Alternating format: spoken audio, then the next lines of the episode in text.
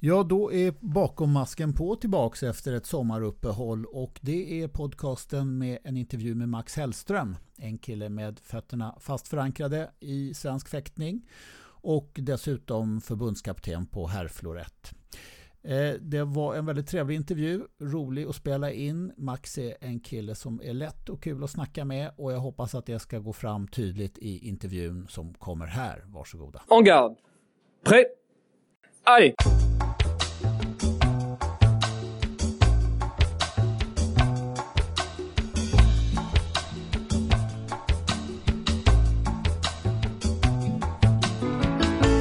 Då så Max, så säger jag hjärtligt välkommen till Bakom masken på Max Hellström. Tack så hemskt mycket. Ja. Välkommen till mitt kök. Ja, tack så väldigt mycket själv. Jätteroligt. Du ska inte ana så många roliga interiörer från olika ställen jag får se genom den här. Eh, ambitionen jag har att åka runt och intervjua folk. Jag, jag har fått faktiskt vara på väldigt många trevliga ställen som jag har fått uppleva som jag inte hade kommit åt annars. Nej, nej. Du, eh, eh börjar med att fråga var någonstans befinner du dig i din fäktkarriär idag? Var är du engagerad i fäktningen? Idag? Ja, alltså, för egen del så eh, motionsfäktar jag ju liksom... Mm. Jag, brukar säga att det är en dag i veckan. Eh, och att jag vill att det ska vara två dagar i veckan. Men det, det, det stämmer nog inte riktigt. Men jag, jag är där nere och, eh, på klubben eh, Ängby och skriker lite på, på knattarna ibland. Eh, och sen så är jag ju... Eller jag var fram till formellt då, fram till sista juni förbundskapten för Mm. Eh, landslaget herrflorett. Ja, men det, det, är en tjänst som du inte vet vad man tar för beslut på. Eller ingen vet egentligen vad, ja, vad beslutet blir. Ja, precis. Det, det, är en del ekonomiska eh, diskussioner som har förts ja. och eh, frågan är om vilket stöd och hur, hur, stödet kommer se ut framåt helt mm, enkelt. Mm. Eller jag vet väl det snarare. Ja. Eh, så att vi får se eh, om jag tycker att det är kul att fortsätta. Men tanken är ju att, att programmet, tester och, och, och eh, uttagningskriterier och sånt där eh, ska gälla liksom alla landslag. Mm. Eh, frågan är bara vilket ekonomiskt stöd som finns. Ja, all right. Men själva rollen som förbundskapten, mm. för rätt, den det är du i alla fall. Så ja. det liksom det, sen om du huruvida det är en tjänst och vad det är för arrangemang bakom, det, det står lite grann skrivet i. Så är det. Så att de senaste två åren då så har jag eh, tagit hand om så mycket jag kan. Eh, de är ju utspridda i landet. Eh, nu, nu är de sex, de var åtta förra året. Mm. Uh, och se till så att de uh, gör så gott de kan och att de är hela och rena. Och, eller rena, men i alla fall hela. Sex killar säger du. Vilka sex killar är det du har i den här gruppen? Just det, de ska, det är åtta gruppen då. Men, men uh, man, har man inte åtta som man tycker... eller som vill satsa så, mm. så är det de som, som man anser har talangen och ja. energin och kommer lägga den tid som behövs. Så ja. i, i min grupp så är de sex. Eh, Eimer Ahlstedt, Petter Kärrbier, Malte Westersson, Svante Dahlin, Sebastian Persson och Felix Petrini. Ja. Och då är det, de är ganska spridda då om man tänker ortsmässigt. Några göteborgare. Ja, tre Göteborg. Felix har ju bott i Bonn senaste ja. året tror jag. Eh, två i Kalmar. Så att de har ju varit eh, utspridda i landet. Så, mm. så är det ju. Det är ju, mm. det är en del av det. Så jag träffar dem ju egentligen bara på läger och tävlingar. Mm. Eh, förutom att det är ju naturligtvis lätt att liksom ta kontakt idag. Men, men ses liksom fysiskt är ju inte varje vecka. Och vilka tränare på herrförrätten är det ni kör mest då på de här killarna? Är det deras egna tränare? Ja precis. Det är ja. Henk och Martin i Göteborg. Ola i Kalmar. Mm. Eh, framförallt som... Där är ju allihopa utom Felix då som är i Tyskland. Ja. Så att det är ju... Det är, de har ju också kontakt med och kollar liksom läget. Hur, hur mår mm. de och hur har vi det? Och, vad tycker ni och sådär. Mm. Så det, och det är en stor del av det här att ha koll på inte bara fäktarna utan även deras liksom hemmamiljö och tränarna och vad de pratar med dem, alltså med tränarna på ett lite annat sätt mm. än man gör med fäktarna också. Så att man, man får vara helt ärlig. De vill ha med sina fäktare i laget och sådär men vi har en ganska bra och rak dialog så det, mm. det funkar väldigt bra. Okay. Mm. Men det som jag brukar göra det är att jag brukar börja från den allra första början. När man kom till fäktsalen första gången. Ja. Så det tänkte jag också att jag skulle få fråga Max Hellström om. Hur gick, det till, jag gick, hur gick det till när, när lille Max kom till en fäktsal allra första gången? Jag tror att det här var eh, 1979. Mm. Och jag tror också att det var så här att jag hade en, en kompis, Fredrik, som, eh, vars mamma läste om, om eh, jag tror att det var en sportlovsfäktning. Man kunde mm. åka till, i det här fallet då, så var det till Ängby, Åkesåshallen och prova på fäktning. Mm. Um, hur många gånger minns jag inte. Men eh, vi var i alla fall där på ett sportlov och eh, jag tyckte nog att... Eh, eller tydligen så tyckte jag att det där var otroligt roligt. Mm. Så att då fortsatte vi båda två. Mm. Men du där... hade hållit på, du var, du så 79, då var du så 8-9 år gammal. Ja, 8. Mm. Hade du idrottat någonting annat då? Ordnad form? Eller var det här det första? 8 år då? Nej, då hade man inte idrottat så ah, mycket. Det va? fanns ju, alla gick och spelade fotboll. Mm. Eh, liksom, skolan hade ju olika lag. Jag spelade Malmö med FF, kommer jag ihåg. Eh, I någon sorts eh, skolserie. Eh, och vi, alltså det var ju liksom ordnad träning mm. där också, mm. även om det mm. var för 8-åringar. Eh, det var väl det som höll på med in, samtidigt som jag började liksom med fäktningen. Mm, mm. Sen vet jag att jag spelade handboll något, något halvår också. Ja. Um, innan vi... Uh, hela familjen flyttade ju då från Stockholm till Helsingborg 1984. Ja. Men då hade du hunnit hålla på några år i Elby mm. hos Dag Åkerberg? Ja, Dag var ju den första, den första fäktkontakten. Mm.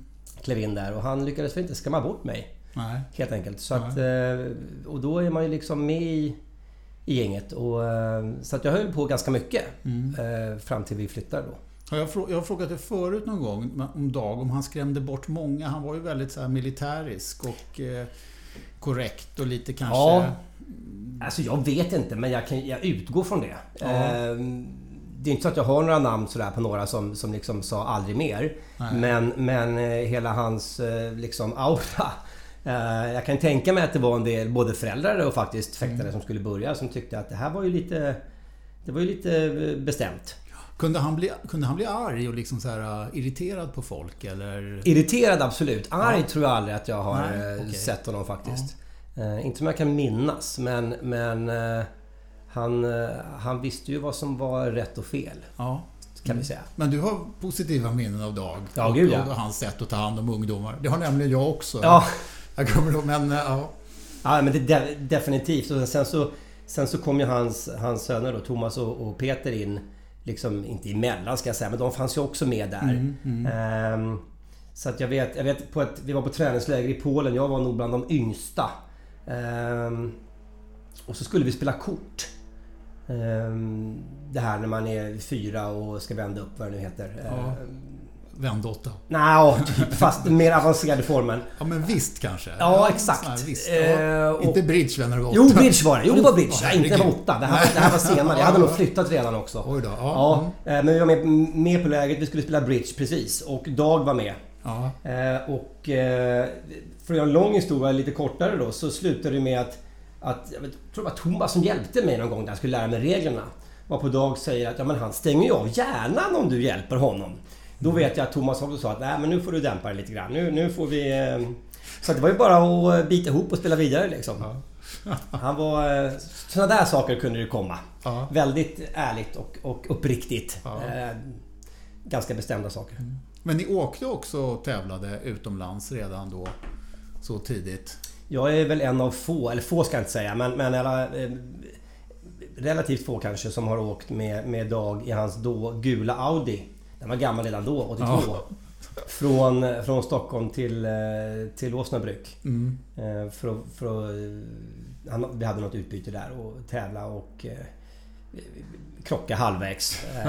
ja, det var en... Det, det, var... Ring inte hem, det gjorde vi direkt såklart. Så skrämde slag på våra föräldrar. Så att det... Vi åkte... Och sen blev det stor buss och ner till Åsnabruk igen. Så vi mm. åkte ganska mm. varje år tror jag. Mm. Men det gick bra för dig att tävla också på ungdomstävlingar, knattetävlingar redan då? Ja, ja det gjorde det ju. Du hade ehm, det här fäktningen lite grann i kroppen? Ja, och sen så var jag väl kanske...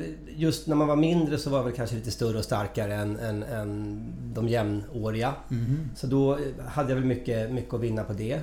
Och sen hade jag väl även när de kom ifatt eller även när vi var lika stora och starka kanske en, en, eh, en viss talang för det här. Mm, mm. Så det gick ju bra. Det gjorde det absolut. Mm. Det, det var ju det som gjorde att jag fortsatte. Mm, jag tror man får utgå ifrån att de som ändå har hållit på så länge i livet som mm. vi, med möjligtvis ett undantag och hans namn nämner jag inte. Men i alla fall, de har från början haft med sig någon sorts ändå talang för det här, känslan för avståndet, känslan för, för ja, jag tror också värjan, floretten i handen och, jag tror också när det. man ska sträcka på För det här är ju en ganska, ganska... Eller alla individuella idrotter blir ganska brutala. Mm. Det är ju liksom någon som vinner och någon som förlorar ja. på första träningen eller i alla fall andra terminen. Uh, finns inga oavgjorda, finns inget lag att skylla på. Du kan inte själv spela bra och laget förlora. Så att, och det, det, är inte... Jag tror inte att jag, om jag ska vara helt ärlig, jag hade nog inte fortsatt om inte jag hade fått några medaljer där i början. Då hade jag nog mm. skyllt på att något annat var roligare. Mm. Det tror jag. Så det är ganska... Jag tror att de där talangerna som kanske inte är bäst när de är, är yngst eh, som vi tappar. Det, det, är en, det, är en, eh, det, är inte, det är inte för alla. Man måste klara av det där och förlora liksom, ja, i början. Och ja. det är inte alla som, som fixar det tror jag. Nej. Samtidigt är det också något sätt att lära sig. Absolut, absolut. Men sen flyttade familjen från ja. Ängby och eh, bosatte sig i Helsingborg. Helsingborg. Ja. Men du fortsatte fäkta? Ja, och det var ju då, precis. Det var ju egentligen där i skarven. Var, jag var väl inte, jag var inte Zlatan så att fotbollen var väl inte liksom eh, jätteaktuell. Men just då så var ju då Aramis, eh, kommer jag ihåg, liksom Sveriges ja. bästa ungdomsförening. Mm. Så det var lite stort att få börja där. Mm. Eh, och dra på sig den här lite konstiga gröna overallen och, och, och eh, fäktare som, som, som Rickard Larsson och Ola Sjölin och, och Andreas Karte som jag liksom hade hört talas om och sett på tävlingar. Mm. Och som jag liksom såg upp lite till. De var plötsligt i min klubb. Mm. Ehm, så då blev valet ganska enkelt. Mm. Då, då, blev det, då var det 110% fäktning. Mm. Och då fick du slå dig in där eller? Kände du att du var med fäktmässigt? Nej, det ska jag inte säga att det var. Det här var ju, det här var ju, det var ju nästa hårda skola. Mm. Det där gänget var ju, eh, var ju eh, kanske inte helt enkelt att hantera alltid när man var yngst. Ska jag säga. Um, nu tränade de mest i Bjuv och jag tränade i Helsingborg. Mm. Uh, faktiskt. Med Maria Oltner bland annat. Ja. Så att uh, vi, jag sprang lite på dem varje träning. Uh, men vi, vi, jag kom rätt snabbt med i juniorlaget där för mm. junior-SM och sådär. Mm. Så att det, då fick jag ju lära mig att hantera de där herrarna. Mm. De var, eh, det var, det var en, en utmaning ibland. Mm. Mm. Men sen också, men då var Inge, han var i båda klubbarna eller han varierade lite grann emellan? Ja, alltså båda. Du menar han var... Han var... Både i Helsingborg och i Bjuv? Jag Nej, jag tror att han åkte... Om jag minns rätt när jag kom dit, så i Bjuv var han inte. Eh, utan han var bara i Helsingborg, men han hade börjat pendla till fäktgymnasiet i Halmstad. Ja. Så att han åkte dit, om det var på helgerna tror jag i början. Eh, och sen när jag då började gymnasiet 87 så var han där på heltid. Det kan han ha varit året innan, någonstans där. Du var inte, du var inte första kullen i Halmstad, men du, du kom in på fäktgymnasiet i Halmstad? Ja, ja, jag började 87. Nej, det hade ju gått... Det hade ju varit, Mats Ahlgren hade ju slutat, ja, så han hade ju gått ja. där. Jag vet inte riktigt när det formellt bildades, men, men eh, nej, jag var inte första kullen. Nej, du var sista kullen kanske? Är det så det är? Ja, det beror på för, lite... För att sen så flyttade du med effektgymnasiet till Karlskrona. Just det. Så ja. efter, efter mitt första år i Halmstad så tyckte väl Karlskrona kommun att ett idrottsgymnasium ska vi ha. Mm. Så att då fixade de lite bostäder och byggde om hallen där. Mm. Eh, och, eh, så då flyttade eh, 12-16 fäktare mm. till Karlskrona. Mm. Eh, och gick i skolan där istället. Men under Halmstad-tiden så fäktade du för Aramis. Ja. Men sen när, i Karlskrona så började du fäkta för... Nej, inte direkt. Flottan? Nej. Inte direkt. Jag tror att det var... Alla skulle nog inte... Det var nog lite uttalat det där. Liksom, vi ska inte...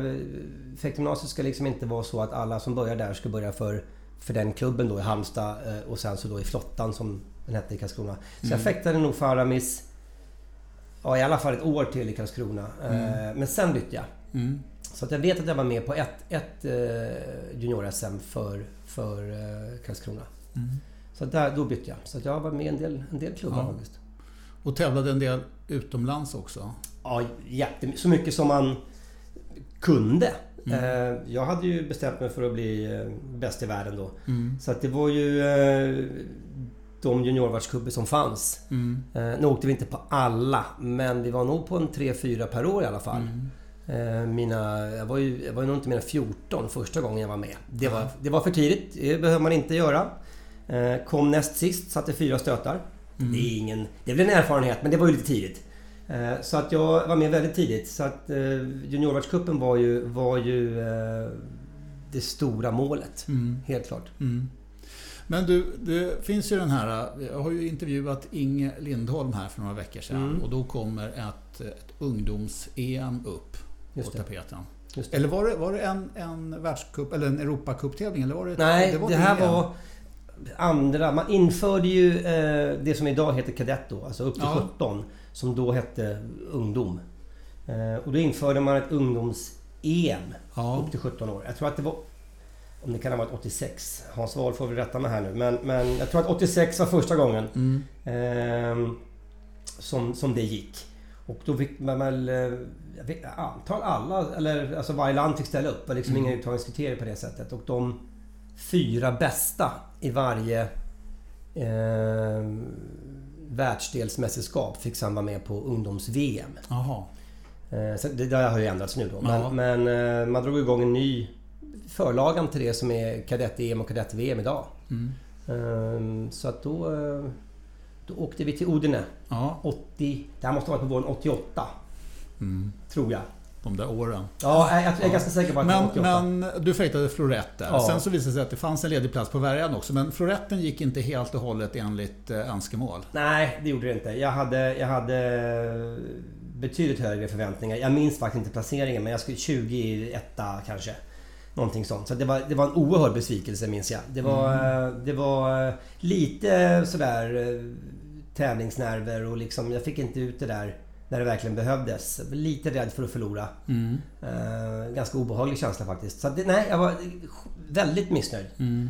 Uh, och det vet inte jag om jag gick väl två dagar senare kanske. Mm. Och varför jag fick jag med. Jag vet inte om det bara inte var några andra som ville. Det minns jag inte. Nej, vi vet inte det. Varför Nej. det inte varit några just det året. Men uh, då blev det ju lite på något sätt så det var inte mitt vapen. Jag hade liksom ingen press. Jag hade ingen... Det var bara att gå upp och, och köra. Ja. Och det gick ju nästan hela vägen. Mm. Faktiskt. Du, så du kom tvåa? Jag kom tvåa. Ja. Och det är ju lite grann så här... Ja, vad ska man säga? Att de som var hemma då måste ju liksom ha gjort stora ögon. Och dessutom så, det som nu Inge Lindholm sa i förra intervjun, det var att han var inte förvånad, för du mm. kunde fäkta. Mm. Och det är ju ett gott betyg om något. Ja, Men det, också det sa han att om, han, om du hade fortsatt följa taktiken, också i finalmatchen, så hade du vunnit hela alltihopa. Men det gjorde du inte. Nej, och... Eh, eller det, ja, det där minns inte jag faktiskt. Det, det, säger han det så var det säkert så. Mm. Eh, jag har nog förträngt det han svävar, Han svävar inte på Nej, den. han gör ju inte det. Han, han, så jag, det är förmodligen tyvärr så. Jag har tack och lov förträngt det. Mm. Eh, hävdade förmodligen att jag, att jag visst gjorde det. Mm. Om jag kände mig själv rätt då. Um, det, alltså jag minns bara att det gick som på, på uh, liksom av sig självt. Det, liksom, ja. det spelade ingen roll vem de ställde upp.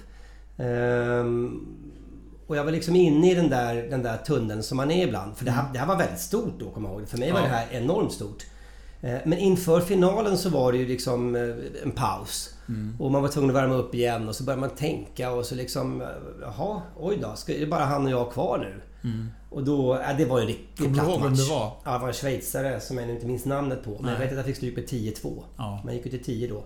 Ja, det var ju en riktig flopp. Det var ju... Ja, så att ingen har förmodligen rätt. Jag följde mm. säkert inte taktiken. Jag skulle ha varit lite kyligare. Eh, men... Eh, mm. Och så var jag väl förmodligen lite nöjd. Mm. Kanske. Ja, det är lätt hänt. Ja. Det är lätt hänt. Men eh, när du kom hem då? Du började inte fundera på att kanske värja var någonting att sadla om till? Utan det där var en engångs... Ja, alltså, ja, alltså jag fäkt, som sagt, jag fäktar ju... Jag är väl en av få som har vunnit... Eller nu, nu tar jag i. Det här har jag dålig koll på. Men jag har ju vunnit JSM på varje för ett samma år. Jag tror inte vi är jättemånga som har gjort det. Mm. Så det har liksom alltid... Alltid ska jag inte säga, men flöten har alltid varit nummer ett och sen så har jag fäktat värja när det har behövts. Så här, JSM i lag, JSM individuellt för att man, ställde upp.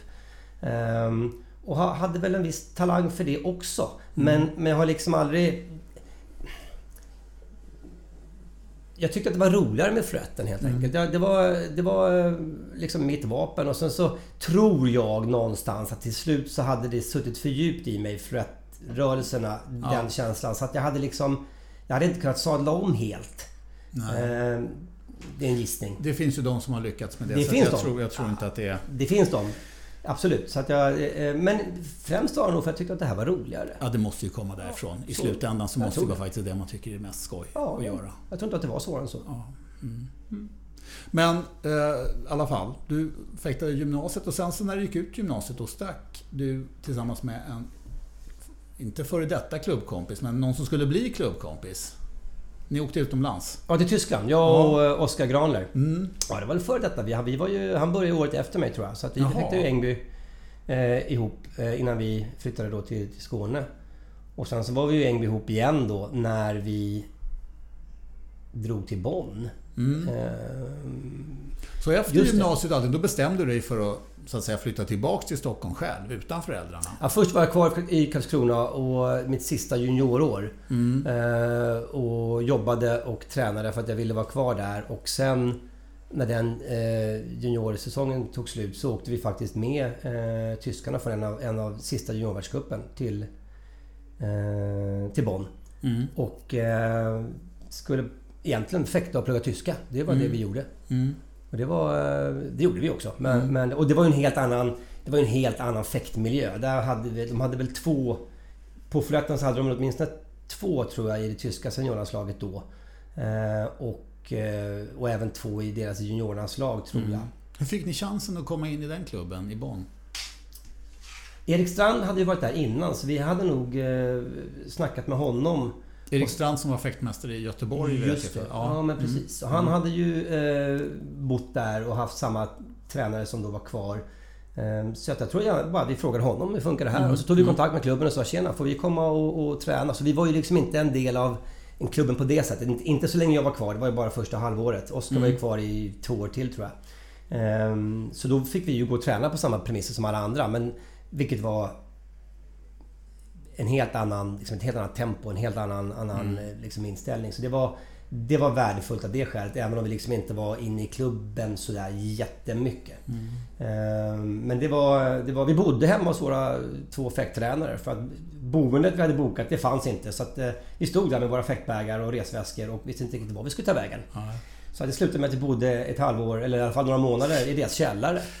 Då gick det inte att boka om, boka något nytt och ett, ett halvår på det. Nej, det var, det var lite speciellt. Ja, men på den tiden var det inga problem. Nej. Det var ju bara att hoppa in. Rummet var lika stort som två sängar i bredd. Där bodde jag och Oskar och eh, fäktade liksom varje dag och tyckte livet var ganska trevligt. Mm, mm. Men du blev inte kvar. Varför flyttade du hem?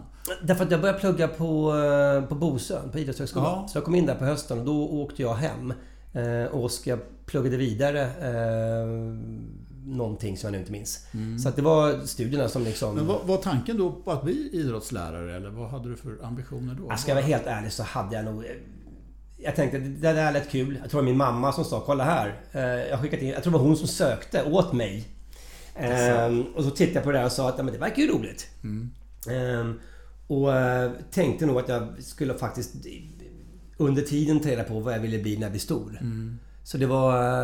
Nej, jag hade nog ingen riktig plan med att jag ville fäkta liksom. Mm. För du gjorde inte lumpen där någonstans? Nej, det var 94. Ja. Då var jag borta ett år. Ja. Ehm, så det, var, det här var 91, 93 ja. som jag var på Bosön. Och då fanns inte den här fina idrottsplutonen kvar längre där så många andra har skolats in i, i ett års total det, Så var det kanske. Och jag fick för mig att jag skulle göra så här riktig, riktig lump och liksom... Eh, mm. Något sånt där. Antingen gör man det ordentligt eller inte alls. Det var någon sån där idé jag hade. Mm. Så att jag eh, satt ute i skärgården i ett år och eh, alltså, sköt. Ja. Mm. Så det var inte... Då var det inte aktuellt att fäkta just det året. Men det hade jag liksom redan bestämt. Så det, var, det ingick liksom i min plan. Mm. Uh, och sen kom jag tillbaks och då körde jag igång igen. Mm. Så det var... Uh, då hade jag en paus på ett år. Mm. Ja, du hade en helt och hållet paus ja. under, under värnplikten? Mm. Jag var med på militärmästerskapen. Ja. Eh, för att något befäl eh, kommenderade dit mig. Mm. Och, men det var det enda. I övrigt så fanns det ingen som helst möjlighet att fäkta. Nej, vi, var ute två veckor i sträck. Så det var, ja. det var, då, var det, då var det försvara nationen som gällde. Ja, ja. Mm. Mm. Bra. Du, eh, ja, sen så blev det seniorkarriär då. Mm. Och du har gjort ganska många VM. Ja. Kan du på rak arm säga hur många VM du har gjort? Du ja, jag tror, från... det, jag tror, att det, är sex. Mm. Från Budapest 91 till Havanna 2003. Mm. Jag tror att det är sex stycken. Mm. Mm. Vi får räkna på knogarna. Ja, precis. Ja. Um, det var några där i Korea och sådär som vi inte åkte på vet jag. Så det, och det har, väl, det har väl liksom aldrig... Jag tror att det har varit som bäst på ett VM 48. Mm. Inte sådär jättemycket att skriva hem om men, men eh, det var ju någonstans där jag liksom höll till. Mm. Um, hade ju så väldigt gärna velat göra det bättre på något av de där mästerskapen mm. men, men eh, så är det. det mm. Så att som junior var vi ju, vad vi säger, för vi var ett gäng som Ola Kajber innan och, och sådär som både tog EM-brons och som var i finalen på juniorvärldscuperna som liksom drev det här framåt. Så då var vi ju ganska framgångsrika. Sen är det en helt annan sak. Mm, det blir tuffare. Mycket tuffare. Och det är, en ja, det, det, är en helt annan nivå att göra samma sak på seniornivå. Så där, var ni med i lag på alla de här äh, VMen? Hade ni ett lag med? Ja, det hade vi. Mm. Det... Jo, visst hade vi det. Uh, och då kan man ju säga så här. Det bästa var ju när jag inte var med. Men med 94. Ehm, så att eh, bästa resultatet ägde rum när jag själv inte var med i laget. Eh, men annars har vi ju, har vi ju, vi har ju inte kommit in med de åtta. Vi har ju liksom hållit på där och NIT 16 och, och harva ska jag inte säga. Men, men, eh, och strax under det också för den delen. Um, så att det var, det var um, inte riktigt samma, eller inte riktigt i närheten av samma, samma klass som vi hade på, som, som juniorer. Så, så kommer du ihåg om du tar fram bästa minnena då från, från VM rent generellt från, från olika VM du har varit med om? Om du har någonting som minne som sticker ut extra? Ja, du menar för min, som jag själv har... Ja, men alltså, någonting som du har varit med om? Ja, men, ja, men alltså, det, det, första som kommer upp är faktiskt finalen i 97. Finalen i, i Kapstaden. Halfrätt. Eh, eh, koreanen Kim mot eh, Golubitski. Där, där det är spel mot ett mål i... Mm. Eh, i eh, länge. Mm. För, första sex minuter. Jag tror att Golubitski leder med 13-2, 11-2 mm. tror jag. Och mm. liksom matchen var över. Det var, det var totalt. Då skadar koreanen handen. Vilket inte Golubitski eh, tror på för det blir ett himla eh, halabaloo där. Mm. Hur han nu skulle lyckas bevisa det. Men det, det blir paus och det lindas och tejpas och sprayas och det är sådär. Och jag vet inte vad, vad Kim gjorde i pausen men något var det för han kom in som jävla ånglok alltså. Så att det, det går ju upp till 13 lika, 14 mm. lika och då är det ju då är det rätt bra tryck i den här hallen. Då, eh, då var jag rätt säker på att han skulle ta det där. Därför att har han kommit tillbaka sådär så... så eh, eh, och det hela... Kim hade... Jag vet inte. Han hade fäktvärldens kanske längsta utfall. Det var liksom längre än vad han själv var. Det, mm, mm. Jag vet inte hur han lyckades. Men, men han dundrar på där och eh, Golubitski backar, tar en, en sixparad och sätter den och så är man världsmästare. Det var, det var alltså enkelheten och kylan, att kunna göra det där och då. Sånt mm. kan jag... Det jag får nästan rysningar. Det, där, det är så vackert så att det, det går inte att beskriva liksom inte en duck. Han sprang inte emot. Det var ingen konstig motattack. Det var liksom hur kontrollerat som helst. Och då, då kan han inte ha varit helt lugn i magen. Nej. När han har tappat så mycket efter en sån stor ledning. Det är ju ett sånt där som är kul att ha sett live. Mm. Hur gamla stammen är du som florettfäktare om man tänker regelmässigt? När du nu ser hur floretten utvecklas ja. till att man faktiskt inte gör enligt alla de gamla reglerna mm. och kommer med, med sträckt arm och så vidare. Utan mm. bara man rör sig framåt så attackerar man var, oavsett var man har armen och spetsen. Och där har vi ju... Eh, alltså jag har ju varit med från man tog bort metervarningen och, och kanske aldrig riktigt varit med på att armen ska vara helt sträckt och sådär. Det, det, det är nog före min tid. Mm. Eh, men visst, det, sen har man ju ändrat tiden som spetsen ska vara intryckt för, för att liksom hindra och slå in för många stötar. Jag tycker ju bara att det är bara att läsa reglerna och så följer vi dem. Mm. Eh, om vi bara kan enas om... Jag förstår inte varför det skulle vara svårare i någon annan sport. Eh, sabeln skulle ju vara död om man inte, om man inte följde reglerna till punkt och pricka. Mm. Jag tror konståkning också skulle vara det. Alltså det, det, det finns massor med bedömningar i, i mer bedömningssporter nästan än, än, än floretten. Där det går alldeles utmärkt. Så jag har lite svårt att begripa varför vi inte bara kan enas om vad som som är en attack. Mm. För helt klart är det ju så att det, det döms på ett annat sätt än hur det är skrivet. Ja. Så är det. Mm. Eh, och vi, vi är eh, liksom... Det, det, är inte en fråga för alla, alla köper det. Ja. det. Det är så vi kör. Eh, men det blir också lite konstigt att vi inte... Men det verkar också som, det, som inte bara i Sverige utan även i andra länder att det är en skillnad mellan lokala hur, domare som då inte är ute i världscupsvängen mm. varje vecka och dömer världseliten. Mm hur de dömer hemma på lokala tävlingar mm. jämfört med hur man, hur man bedöms när man kommer utomlands. Och jag tror inte bara Sverige som har det problemet, utan jag tror att det verkar vara verkar vara liksom en diskrepans däremellan också. Faktiskt. Ja, det kan vara. Det att, att domarna internationellt har domarna accepterat eller de har låtit sig drivas åt ett håll som som kanske det effekterna ja. med som bestämt hur det ska dömas. Ja, alltså bra fråga. Jag, jag har ju som sagt även FE-licens på både Varg och Frätt. Så jag har ju dömt ett antal världscuper. Mm. Eh, och jag kan konstatera att även de diskussionerna bland det som anses vara världens bästa domare, alltså mm. i pauserna och vi sitter och pratar om vad som har hänt och vi går igenom liksom... Eh, då är det ju de här riktigt parader påstå attack, det, ja men det kan vi. Men, men mm. vad är foten ute och hur ska vi göra och liksom, vad innebär den här nya regeln och sådär. Men jag märker ju där också att det är inte... Det, man är inte helt överens ens där om Nej. hur man ska bedöma eh, attack. För helt klart är det så att ju snabbare framåt du rör dig desto mer anses det vara attack. Mm. Eh, vilket ju inte finns något stöd för. Men, men fine, då, varför kan vi inte bara skriva in det då? Mm. Um, så är det ju. Så det här, det här är en, en, en... Och jag tror att det här ligger lite i, i fatet för, för rätten. För vi kan inte hålla på och ha de här diskussionerna. Det blir liksom... Det har pågått i evigheter. Mm. Jag som har gjort en del TV-kommenterande, eller i alla fall, det, mm. det, är väldigt svårt att förhålla sig och veta vad man ska säga. Ja, men det är det. det, är det. Och, som sagt, det, det, jag tror att de flesta, liksom, vi är överens om de 99 fall av 100 så är det här inga konstigheter. Men det är just det här hundrade fallet när, när, när det borde ha dömts åt andra hållet som man faktiskt inte gör det. Um, men du dömer en del. Du är FIB på ja. både Värjö och Florett. Ja. Satsar du någonting på domarkarriären? Är det någonting som du kan tänka dig att utveckla? Ja, alltså nu, nu verkar jag inte eh, vara med på listorna längre i FIF. För nu har jag inte blivit, blivit tillfrågad mm, på ett mm. tag ska jag säga. Eh, så man måste ju vara aktiv och sådär. Men, eh, men eh, jag har varit runt. Jag har varit i, i Paris och i Budapest med, med, eh, med förra damvarglaget och sådär. Och även i Sydafrika och dömt faktiskt. Mm. Eh, så att Ja, så här var det. Jag tog licensen för att jag vet att det är en skriande brist på domare. Mm. Och när man då införde det här då både på, på senior och juniornivå för förrätten så behöver vi alltid kunna ha med oss en domare med licens. Så det här var egentligen för att underlätta liksom, mm. eh, för att bidra. Så ja. jag hade liksom aldrig någon, det var nog mest en tanke att åka med när vi ändå har lag och då är domarplikt. Eh, vilket ju inte är på GP då längre. Sådär. Men, men, så jag hade liksom ingen idé om att jag skulle Göra karriär? Nej, det har jag inte. Så intresserad är jag inte av det. Nej. Mm. Du, eh, en fråga som, som jag har varnat dig för, så att jag tänkte slänga fram, det är frågan om floretten. Mm. Ett litet land som mm. Sverige. Som har begränsad tillgång på unga talanger och begränsad tillgång på klubbar och tränare. Så här. Har vi verkligen råd att ödsla talanger och resurser på att fäkta florett? Mm. Eh, jag är ju förvarnad. Ja, precis.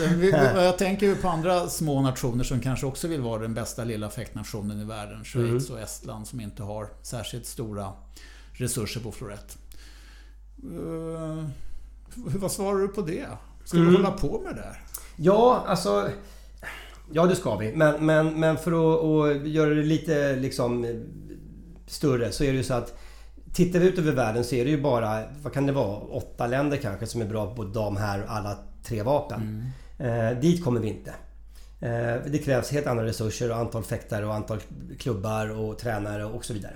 Så det, det tror jag inte, det är inte realistiskt överhuvudtaget. Eh, så att baserat på det så nej, då borde vi kanske bara koncentrera våra, våra resurser och, och talanger till, till ett vapen och ett kön eller ett vapen och två kön.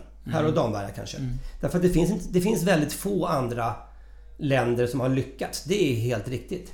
Samtidigt så tycker jag att, att Framförallt så blir vi av med en massa talanger, alltså fäkttalanger som skulle kunna bli bra mm. oavsett vapen. Eh, och som kanske börjar i fel klubb och, och, och, sådär. Jag tror att vi har, vi har liksom möjligheten att... Fast det måste bli fler. Givet att det blir fler, fler klubbar, fler tränare.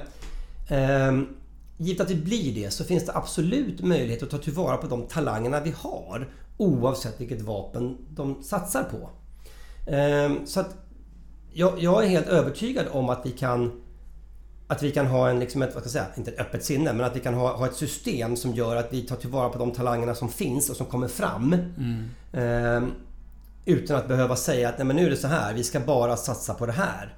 Eh, det tror jag gör att vi blir och säger nu att vi skulle satsa på, på Värja bara. Jag tror vi blir sämre där om vi bestämmer oss för att bara göra det. Mm. Det är liksom min, min, eh, min ingång i det här.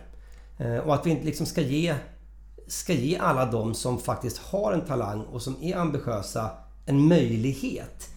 Och även om de inte råkar ha valt liksom rätt vapen inom mm. citationstecken så, så ska de ha en, en, en möjlighet att liksom förverkliga det de vill och det de kan. Mm. Eh, tycker jag. Givet den konkurrensen som det är på Värja, vi kanske skulle lägga ner Värjan och satsa på Florett istället? Ja men, alltså... Ja, nu ska jag... Precis. Om vi tittar tillbaks på vad vi har haft tidigare och även tjejerna senast. Och nu tycker jag att vi har ett par, ett par riktigt, riktigt duktiga som kanske inte har fått ut allt. Eh, men det är en resultatsport. Mm. Eh, och givet då, om vi vänder på det, det du säger, ska vi satsa på det här? Ja, då ska vi verkligen inte satsa på värjan just nu. Om man ska vara lite hård åt andra hållet. Därför att med så mycket, så många möjligheter. Mm. Ja men kom igen, då måste vi liksom... Någonting här är ju fel om vi inte lyckas bättre än vad vi gör just nu. Mm. Och det hoppas jag verkligen att vi gör snart. Mm. Mm. Så det, det, är en... Det är en å ena sidan och å andra sidan diskussion tycker jag. Mm. Där vi ska titta på tycker, fäktning ja, snarare än... Har vi, hur mår svensk fäktning idag eh, just nu? Har vi varit för hårda med det här kravet med... med, med vi har inte en enda deltagare med på VM mm. som går as we speak så mm. pågår VM. Eh, vi har inte någon svensk deltagare. Det känns ju fruktansvärt. Jag går in och tittar på de där resultatlistorna och märker att jag själv sitter och tittar efter svenska flaggor och det finns inga. Nej. Jag vet ju det. Ja. Men hade ändå hoppats kanske någon. Och, och, och, och ja. två stycken på EM. Har, har, har, ni i landslagsledningen, har ni varit för hårda med det här kvalitetskravet att man ska prestera 64 tablåer? Ja, det här är, nu kommer det också vara så här å ena sidan och andra sidan. Eh, det är ju då en 64 som gäller för att vara med på EM. En 32 för att kvalificera sig till VM. Och ingen har då klarat det. Det är ju inte, kan jag tycka, helt, helt objektivt bara. Det är ju inte för höga krav. Eh, mot det ska ställas att vi kanske alltid som jag ju egentligen tenderar att, tycka, det är att vi alltid ska vara med. Givet att de, de bästa vi har är ambitiösa, tränar tillräckligt mycket, eh, har testvärden som, som, som ligger på rätt nivå. Så tycker jag att som motor eh, och liksom lokomotiv i svensk fäktning så måste de som kommer bakom se att det är dit jag ska. Mm. Eh, om inte vi är med på VM nu i några år så, så kommer våra, våra yngre talanger eller yngre fäktare att liksom inte veta om att det äger rum, men att det ens mm. går att vara med. Eh, så jag tror att vi, att vi bör vara med. Eh, och sen vet jag att det finns en massa eh, ekonomiska aspekter av det här och hur ska vi göra? Det här är inte en enkel fråga. Men jag tror att vi behöver liksom draghjälpen av att våra bästa fäktare i alla fall alltid med på, på EM åtminstone. Mm. Jag tycker att det är, en, det är en... Och vi ska inte skicka blåbär, det är inte det jag säger. Eh, men, men har vi några som verkligen satsar och som har uppfyllt vissa andra krav så tycker jag att vi ska vara med på mästerskapen. Mm. Ja.